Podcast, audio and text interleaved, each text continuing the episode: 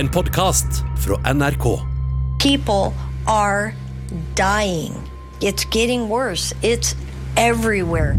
Opioidkrisen herjer i USA. Every 15 minutes, a baby is born in America addicted to opioids. Every day, 128 Americans die of an opioid overdose. That is the most ever recorded since the opioid epidemic began in the 1990s.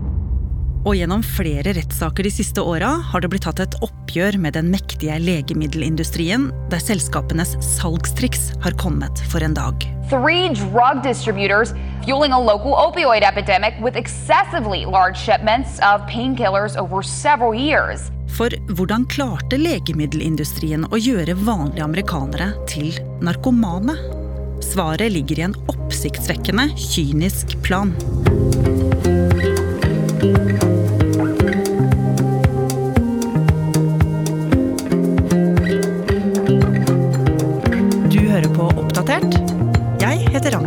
Ragna I mange lokalsamfunn i USA så kan du se ganske tydelig at folk rett og slett er helt avhengige av opioider. Tove Bjørgaas er påtroppende USA-korrespondent for NRK og har bodd i landet i mange år. Jeg har eksempel vært i Massachusetts og sett hvordan disse smertestillende medisinene har ødelagt en liten idyllisk by. I lille Greenfield så sitter og ligger det rusa folk på benkene utenfor kirkene i sentrum. Der det var butikker før, der er det nå avrusningsrom hvor man driver med aromaterapi, akupunktur, samtaleterapi. Ja, dette er jo et kjempeproblem at folk har blitt så avhengige av disse ekstremt sterke smertestillende opioidene. Og USA har jo faktisk erklært denne opioidepidemien som USAs største helsekrise. De siste årene har vi sett at det har blitt tatt et stort oppgjør med legemiddelindustrien. Og i det oppgjøret så har det jo kommet fram sjokkerende avsløringer om hvordan denne industrien har brukt skjulte og kyniske metoder for å selge flest mulig piller. I 1996 ble en helt ny pille, Oxycontin, lansert. Det var legemiddelselskapet Purdue Pharma, eid av familien Sackler, som sto bak. Sacklerne hadde tidligere slått seg opp på å selge valium til amerikanske husmødre. Og nå hadde de laget en morfinaktig medisin som fungerte godt på pasienter som hadde store smerter, som f.eks. folk som akkurat var blitt operert, eller kreftpasienter som var i ferd med å dø. Men etterspørselen etter disse medisinene var ikke så stor, for dette var jo tross alt opioider som gjorde folk avhengige, og som leger var varsomme med å skrive ut. Men akkurat det stoppet jo ikke Purdue fra å ønske at flere skulle kjøpe disse pillene, Tove. Nei, og da trengte de en ny markedsføringsstrategi. Og den var så kynisk at du nesten må gni deg i øynene for å tro at det er sant. Det de gjorde, var å skape en illusjon om at det var et marked for ubehandlet smerte i USA. Det har kommet fram under rettsoppgjør i ettertid. Once you've found the right doctor and have told him or her about your pain, don't be afraid to take what they give you. Often, it will be an opioid medication. Ved å gi penger til grupper som var opptatt av pasienter med kroniske smerter, fikk Purdue Pharma innpass hos en viktig kundebase. For når foreninger anbefalte pillene, hjalp disse tilsynelatende uavhengige gruppene Purdue Pharma med å promotere opioidpillene. Two major health associations, the American Academy of Pain Medicine and the American Pain Society, have now taken an historic step, formally supporting the wider use of opioids for the treatment of chronic pain. Og selskapets farmasøytiske eksperter ble fløyet rundt i landet for å forklare leger at opioider var for lite brukt mot smerter. Selskapet sendte også ut informasjonsvideoer til leger over hele landet, som denne fra 1998. I got my life back now. Now I can enjoy every day that I live. Since I've been on this new pain medication, I have not missed one day of work. Now, this medication does not turn you into a zombie. It, it has turned me into an active person again. And I'm so grateful. Og Purdue Pharma kunne forsikre om at det var veldig få som ble avhengige, og at Oxycontin derfor også burde brukes av folk med mer hverdagslige smerter.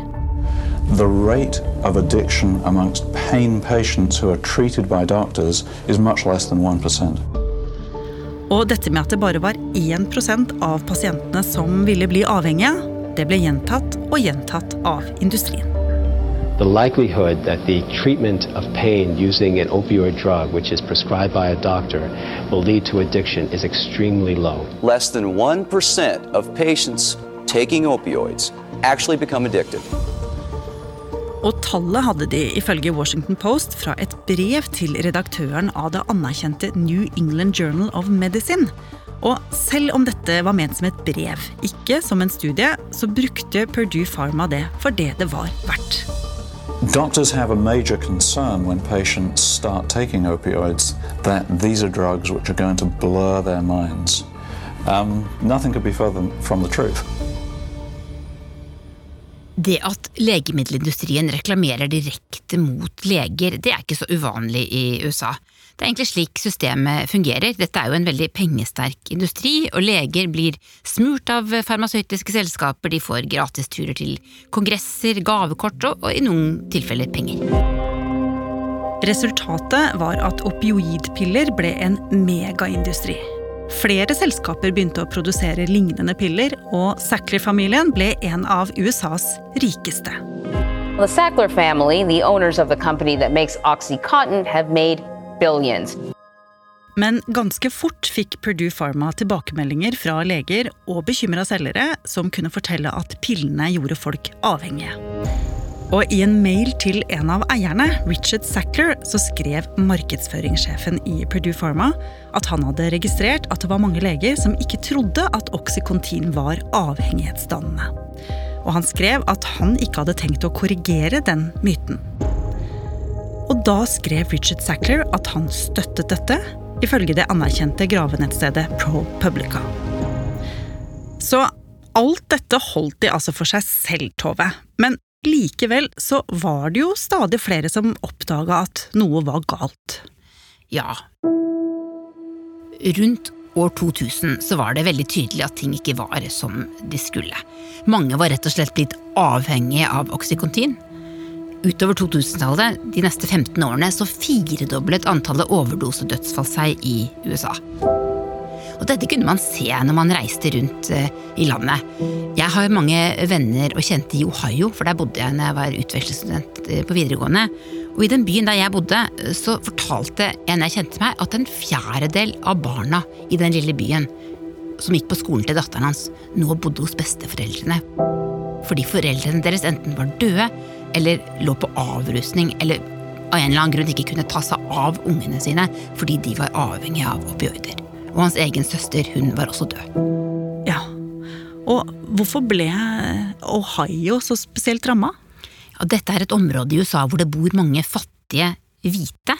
Og denne gruppa eh, var disse pillene blitt markedsført mot. For her er det mange som har eh, kroniske smerter, mange som har jobbet i årevis med fysisk arbeid i industrien, i, i helsesektoren, og som er avhengig også av å bruke medisiner for å komme seg gjennom dagen. Og I tillegg så er det mange som ikke har ordentlig helseforsikring, og det er billigere å ta en pille enn å dra til legen, eller i hvert fall enn å dra på sykehuset og få behandling for plagene sine. Mm. Og hvor farlig dette var, det så jo du på nært hold, blant annet da du var på besøk i byen Greenfield i Massachusetts. For der møtte jo du Heather, som hadde blitt banka opp av ekskjæresten sin. Og hva var det som hadde skjedd med henne? Hun fikk smertestillende medisiner av legen sin fordi hun hadde vondt bl.a. i hodet, og så ble hun avhengig av dem etter bare to uker, fortalte hun. Og da legen sa stopp, så begynte hun med heroin, som så mange andre. For det er egentlig samme medikament som disse smertestillende medisinene. Og etter hvert så, så man jo hvordan denne legemiddelbruken utvikla seg til å bli en del av den ulovlige narkoindustrien. Hvordan da? Folk ble rett og slett avhengige og etter hvert så begynte de å knuse pillene sine for å sniffe dem, fordi de ville få større effekt, og så var det mange som gikk over til heroin. Og etter hvert så merket også politiet at kriminaliteten i disse lokalsamfunnene gikk opp. Og det var fordi de store narkotikakartellene fra Mellom-Amerika begynte å operere ute på bygda i Massachusetts eller Ohio.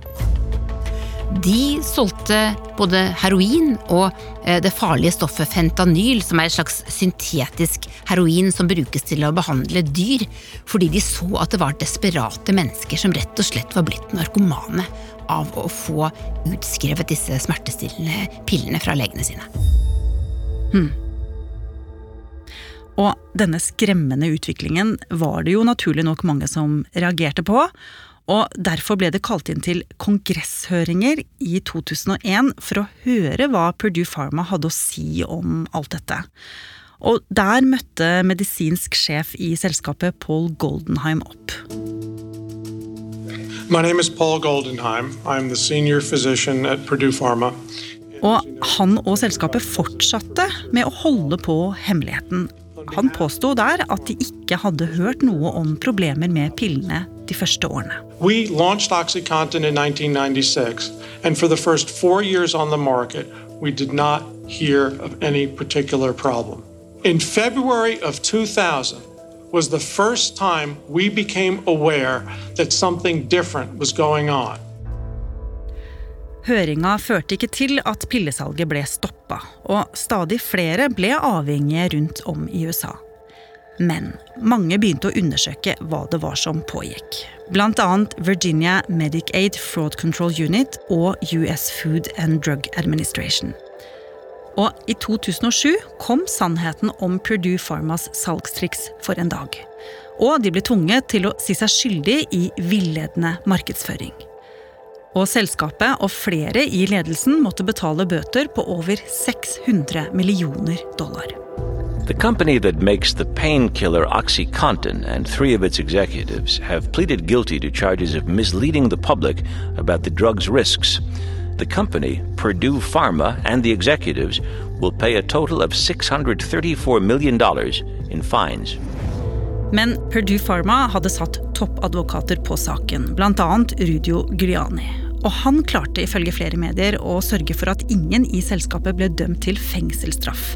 I tillegg til at de ikke ble fradømt retten til å selge Oxycontin-pillene, så lenge de modererte markedsføringen sin. Og hvordan reagerte folk på dette, Tove? De ble selvfølgelig rasende og helt eh, fortvilet, men de hadde jo ikke så mye krefter å kjempe imot med. Mange av disse var ofre eh, for eh, avhengighetsskapende medisiner og var blitt narkomane. Så det som etter hvert skjedde, det var at eh, Tettsteder, byer, fylker og til og med delstater gikk sammen om felles massesøksmål for å hjelpe disse ofrene, men også for å få penger til å kjempe mot epidemien, for det trengte eh, myndighetene i USA, for dette var blitt et sånt kjempestort problem i deres lokalsamfunn. Og i åra som gikk, saksøkte stadig flere Purdue Pharma for skadene Oxycontin hadde ført til. I midten av 2019 da hadde hele 48 delstater saksøkt selskapet. Og Purdue Pharma måtte betale enda mer i erstatning. Og som følge av det søkte de om konkursbeskyttelse og måtte legge om hele driften av selskapet. Også flere andre, bl.a. legemiddelprodusenten Johnson Johnson, ble dømt til å betale store summer i erstatninger i forbindelse med opioidkrisen i USA. Men Tove, hvor stort ansvar har egentlig Purdue Pharma og Sackley-familien? De har jo laget pillene, men det er jo ikke de som har skrevet dem ut til folk. Det er nok folk litt uenige om. Det er selvfølgelig flere som er eh, skyldige her. Det er både de som har laget medisinene, legene som har skrevet ut reseptene, distributørene av disse pillene, og også myndighetene som tillater markedsføring av medisiner i USA på en helt annen måte enn det som er lov eh, i Norge. I USA, hvis du slår på TV-en, så ser du jo lange reklamer for sovemedisin og alle mulige slags andre medisiner på resept, eh, som aldri det ville vært lov til å markedsføre på den måten i de de fleste europeiske land. Og akkurat nå pågår det en rettssak mot distributørleddet i USA. De tre legemiddeldistributørene Amerisource Bergen, Cardinal Health og McKesson står tiltalt for å ha bidratt til et massivt overforbruk av kraftige smertestillende midler. Og de risikerer å måtte betale flere hundre millioner dollar i erstatning for å ha bidratt til opioidepidemien i USA, Tove. Ja, for nå er den store oppvasken kommet rundt denne epidemien. Og det trengs masse penger for å rydde opp. Sackler familien de har spyttet inn mange mange millioner dollar i eh, fasjonable kunstmuseer i USA og gitt masse penger til kjente universiteter som for eksempel Yale. Nå er det mange som mener at de heller, og disse distributørselskapene, må bruke penger på avrusningsklinikker og andre tilbud som ofrene for denne epidemien trenger. Men én ting er jo på en måte oppgjøret, Tove. Hva med selve opioidepidemien, som altså ødelegger så enormt mange liv i USA? Ja, den er det mye vanskeligere å få has på. Det som trengs, er jo et forbud mot å skrive ut slike medisiner slik at ikke nye generasjoner blir avhengig av dem. Men et annet problem som noen politikere blant annet på venstresida i Det demokratiske partiet har vært opptatt av, det er jo hvilken makt disse farmasøytiske selskapene har i USA. De er utrolig rike, de har også råd til å betale for disse knalldyre TV-reklamene. De har masse lobbyister som jobber opp mot politikerne.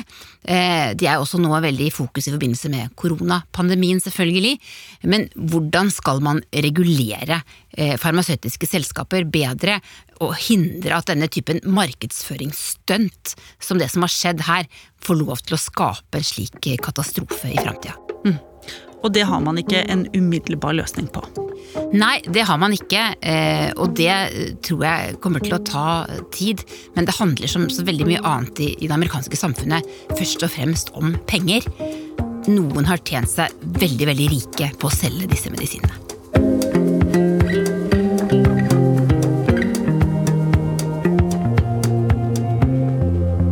Har du lyst til å bli fast lytter av oss i Oppdatert og få påminnelse om nye episoder, er det bare å følge oss i NRK radioappen. Og så er det veldig hyggelig hvis du vil anbefale oss til en venn. Oppdatert er en podkast fra NRK Nyheter. Og denne episoden er laget av Ida Tune Øritsland, Bendik Hansen, Pål Gauslå Sivertsen, Andreas Berge og meg, Ragna Nordenborg. Knut Are Tornås er redaksjonssjef. Vil du kontakte oss, gjør gjerne det på oppdatert krøllalfa nrk.no. Du har hørt en podkast fra NRK. Hør flere podkaster og din favorittkanal i appen NRK Radio.